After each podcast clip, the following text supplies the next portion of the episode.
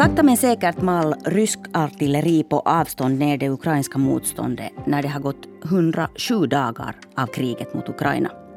Få trodde att Vladimir Putin skulle gå så långt att han startade det krig som rasar i Europa nu. Och nu jämför sig Putin med tsar Peter den store som formade Ryssland till en stormakt i början av 1700-talet. Det är klart vi måste försvara oss och ta tillbaka, säger Putin sådär lite kryptiskt, men med ganska tydlig hänvisning till Ukraina. Och kanske också till Peter den stores erövringskrig för 300 år sedan. Men Putin är inte Peter den store, som var en stor Europavän. Vart är Ryssland riktigt på väg? Det ska vi prata om i Nyhetspodden idag med Kerstin Kronvall, journalist som har följt med Ryssland i 25 år. Hej KK! Hej Jonna! Putin som Peter den store, vad säger du om den jämförelsen? Riktigt elakt så vill jag säga att han är ju Putin den lille. Peter den store var två meter lång så att det finns redan där. Där får han liksom gå under ribban. Men sen det, det andra som jag vill fråga Putin om, som jag alltid har velat fråga Putin, är det att anser han att det fanns någon dag i mänsklighetens historia då alla gränser var på rätt plats? Och kan den mm. dagen till exempel ha varit då när mongolerna och den gyllene, den gyllene horden hade Ryssland i sin makt? Att eh, hela det här liksom, Eh, att man går tillbaka till historien och berättar att då och då var det alldeles rätt och då hade vi de rätta gränserna. Så det är både barnsligt och löjligt och farligt. Ryssland eh, har förändrats genom historien men, den har, men det landet har också förändrats lite otroligt mycket eh, bara sedan februari. Vissa varnar för det här kriget men ingen, ingen lyssnar riktigt. För ingen kanske riktigt trodde att det skulle hända. Det vi ser nu, är det någonting som du hade kunnat föreställa dig? Jag måste ärligt säga att, att så som det ser ut nu hade jag inte kunnat föreställa mig, eller så som det, så som det började se ut i februari, då, den 24 februari när Putin och den ryska militären, beväpnade makten, anföll Ukraina. Men jag är inte överraskad över att kriget i Ukraina fortsatte. Det började för åtta år sedan och vi visste, eller jag åtminstone hade liksom eh, tagit in det här att, att Putin vill ha allt mera makt i Ukraina och allt mera områden i Ukraina. Mm. Men jag trodde att han skulle nöja sig med att ta över lite mera av östra Ukraina, områdena kring, kring Donbass.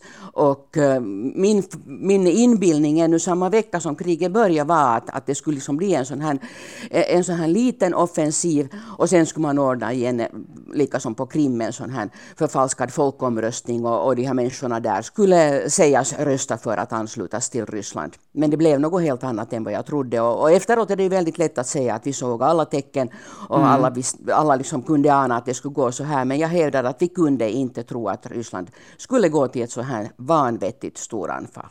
Mm. Du har bevakat Ryssland lika länge som Putin har suttit vid makten. Eller egentligen har du bevakat Ryssland till och med lite längre än Putin. Ett hurdant land var det då när du började bevaka Ryssland? Det var nog helt annorlunda, för det var så, det var så fattigt och det var så liksom, omskakat fortfarande av den enorma förändringen som, som Sovjetunionens sammanfall betydde. Mm. Och, och människor levde på ett helt annat sätt och, och det fanns väldigt mycket hopp då om att det skulle bli bättre, men många var också väldigt oroliga för hur det skulle gå. Och sen ska vi komma ihåg att, att strax efter att jag började göra mina första jobbresor i Ryssland så hade Ryssland den här enorma eh, devalveringen år, år 1998 som bara liksom några år efter det att, att eh, Sovjetunionen hade fallit sönder och allt hade slagits i spillror så slog det igen i spillror allt det som hade byggts upp inom ekonomin. Mm. Och, och, och, det här gjorde nog att människor var väldigt omskakade och, och oroliga för sin framtid. Och sen som sagt, fattigdomen som fortfarande regerar i Ryssland så var på en helt annan nivå. Att idag är eh, fattigdomen i högre grad en relativ fattigdom, men då var det i väldigt många fall en absolut fattigdom. Människor levde verkligt eh, i stort armod. Fanns det ändå på något sätt någon framtidstro då? Hur jo, det fanns det nog bland Många hade framtidstro. Alltså mm. det, Alltså, det är en kliché men det, det, det, är ändå sant att hoppet dör, är det sista som dör. Att, att människor trodde nog på framtiden och många trodde ju att det skulle bli bättre. Det fanns många äldre som var var ganska hopplösa och förvirrade och överhuvudtaget inte förstod vad som höll på att hända. Och det måste man också förstå i det att, att de hade varit tvungna att, att avstå från allt de hade trott på. De hade ju trott på, på den regim de hade. De hade trott att Sovjetunionen stod för det bästa som mänskligheten kan erbjuda ett folk. Mm. Och så plötsligt slås det allt i spillror och de ska tro på någonting helt annat. Men sen fanns det ju många unga som insåg att det här ger möjligheter och, och det här ger oss helt nya chanser och gränserna öppnas och vi kan resa och, och vi kan liksom skapa ny business och allt möjligt lite sånt här. Så det fanns, det fanns nog både sån här liksom förtvivlan och, och osäkerhet men också framtidshopp. Mm. Mellan det totalitära Sovjetunionen och det totalitära Putin fanns ändå en kort tid. Vad skulle du säga att präglade den tiden mest? Jag vågar, jag vågar liksom inte ta ordet frihet i min mun när vi talar om Ryssland, men vad skulle du säga? Det är klart att frihet nog ändå är det rätta ordet på många sätt. Mm. Att så mycket blev så mycket friare. Vad ska man säga att präglade det? präglades alltså av att, att eh, människor i, i någon slags, äh, inte väldigt hög grad, men i alla fall i någon utsträckning börjar våga ta initiativ. För det är nästan det som, som är det liksom typisk, mest typiska för det, för det ryska förtrycket, det är att, att ingen tar något som helst initiativ. Att man, man bara ligger lågt och låter bli att företa sig någonting och hoppas att någon annan ska sköta om att, att allt blir bättre. Och då fann, fanns det eh, en tid det fanns nog omkring tio år av, av en ny initiativkraft i samhället och man såg så liksom nya mm, eh, organisationer och, och, nya eh, företag och, och överhuvudtaget ett nytt sätt att, att liksom ta för sig av, av livet och det som, det som samhället erbjuder på ett annat sätt. Det kanske var det som för mig mest präglade den perioden.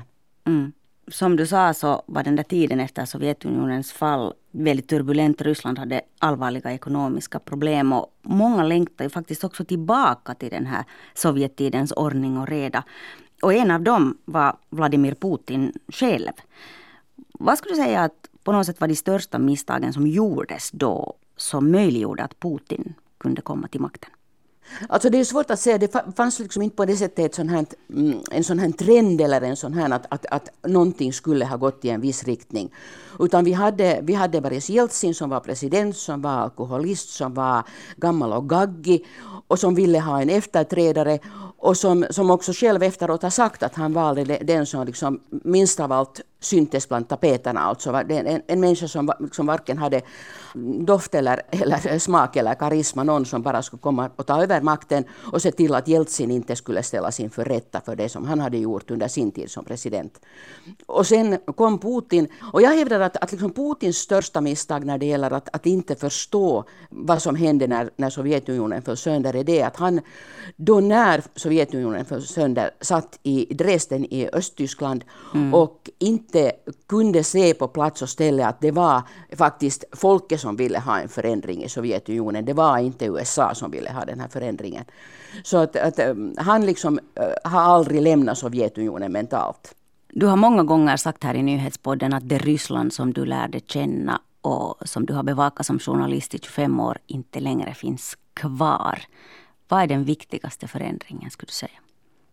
Och den viktigaste förändringen är att hela det ryska folket nu har drabbats av, av ett beslut som leder till att hela det ryska folket nu stämplas som våldsbrottslingar, som, som ett folk som, som begår illgärningar mot civila.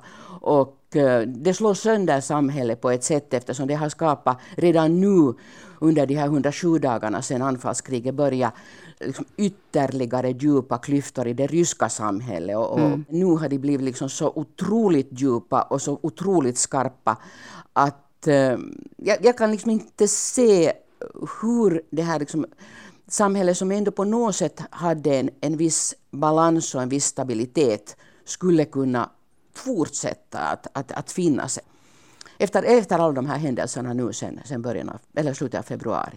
Mm.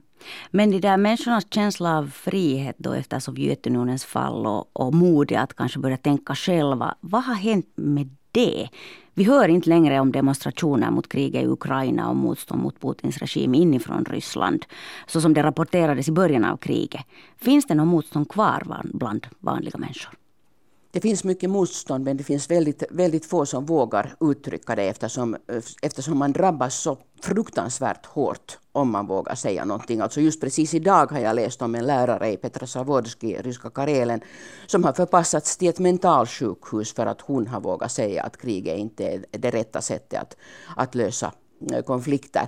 Så jag menar, när man ser sånt här, när människor drabbas eh, så förfärligt hårt för att visa liksom minsta minsta åsikt som, som är emot kriget, så mm. har jag nog lätt att förstå att man inte demonstrerar. Och, och, uh, de har demonstrerat och de har försökt en hel del. Tyvärr har aldrig tillräckligt många uh, demonstrerat. Det, det, kan man liksom skriva ryssarna på näsan.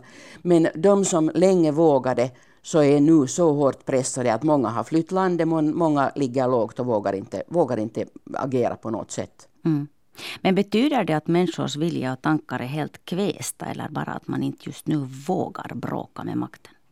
Jag tror inte att det betyder att, att varken vilja eller tankar är kvästa, men eh, däremot betyder det att, att det som hör till, till de ryska skötessynderna är den här likgiltigheten inför allt som gäller någonting annat än ens egen, egen lilla krets. Så den har utökats och, och man har gått tillbaka till det här att, att man avskärmar sig från allt som är gemensamt och bara försöker leva sitt, sitt eget vardagsliv i sin egen lilla familj eller vänkrets och liksom undviker att ha någonting att göra med någonting som, som är politik eller, eller eh, samhällsengagemang.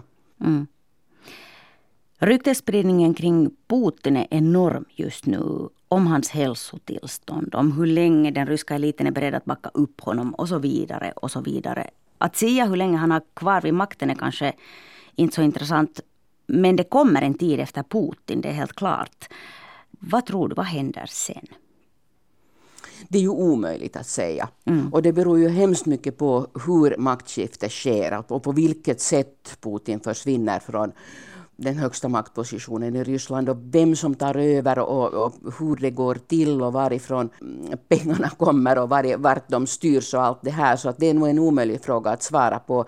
För tillfället tror jag mest på att det kommer att ske något slags nyarrangemang inom Kreml och att, att man där kommer antingen på något sätt att, att verkligen liksom få bort Putin från makten helt och hållet eller att man gör en överenskommelse där han får en annorlunda position där han fortfarande på något sätt sitter på en del makt men där någon annan tar över en större del av makten. Men, men också min uppfattning om, om vad som eventuellt kan hända så kan, kan förändras imorgon. Att man, man kan mm. inte veta betraktat här från Finland med på något sätt våra glasögon så, så sitter vi kanske och tänker att bara Putin nu skulle försvinna så då, då blir det på något sätt bra. Och vi kanske tänker lite hastigt då att då blir det demokratiskt. Men tänker vi kanske fel? Vi tänker definitivt fel där. Mm. Och, och, och, det är klart att, att, det kan hända en förändring mot det bättre om Putin, eller den dag Putin försvinner från makten. Och det kan hända att den som tar över makten efter Putin Eh, eller som, som greppar makten medan han finns kvar och, och liksom de facto sen börjar ta över tyglarna så att, att den person är, mera beredd att dra bort krigsmakten från Ukraina eller någonting sånt här. Men det här kan vi aldrig veta. Det kan vara mm. precis tvärtom. Att det, det är någon som, som vill bara öka på krigstrycket eller, eller förändra Ryssland ytterligare en allt mer liksom diktatorisk riktning. Det här kan vi inte veta. Mm. Vad finns det som inger dig hopp inför Rysslands framtid just nu? Det är nog eh, de alla aktiva människor som jag ändå ser precis varendaste en dag som, som med väldigt små medel försöker föra fram sin åsikt. Som, som i Petrozavodsk för ut sådana vita fåglar vikta av papper och hänger upp dem som ett tecken på att, att de vill ha fred. Eller som, som vågar gå ut med ett tomt papper och ställa sig någonstans och, och demonstrera trots att de vet att, att de också med, med, utan någon som helst text blir gripna. Eller människor som i sina egna nätverk försöker hjälpa de som är drabbade av kriget. Jag känner stor beundran för de som just nu till exempel verkligt aktivt försöker hjälpa sådana som har tvångsförflyttats från Ukraina till Ryssland. Så det, det finns gott och bra i Ryssland som, som om det bara liksom får, får blomstra kan, kan göra det här landet till det fina land jag skulle hoppas att det skulle bli en gång. Tack Kerstin Kronwall för de här insikterna och för att du har hjälpt oss att förstå Ryssland lite bättre genom åren. Och den här podden får jag sluta med att önska dig allt gott inför din pensionering som börjar idag. Tack ska du ha. Du har lyssnat på nyhetspodden från Svenska Yle och jag heter Jonna Nupponen. Och jag ska också säga att nyhetspodden går i sommarmode från och med nästa vecka med tre poddar i veckan på tisdag, onsdag och torsdag. Producent för nyhetspodden är Ami Lassila och tekniken sköttes idag av Anne Heikkilä. Fortsätt lyssna på oss.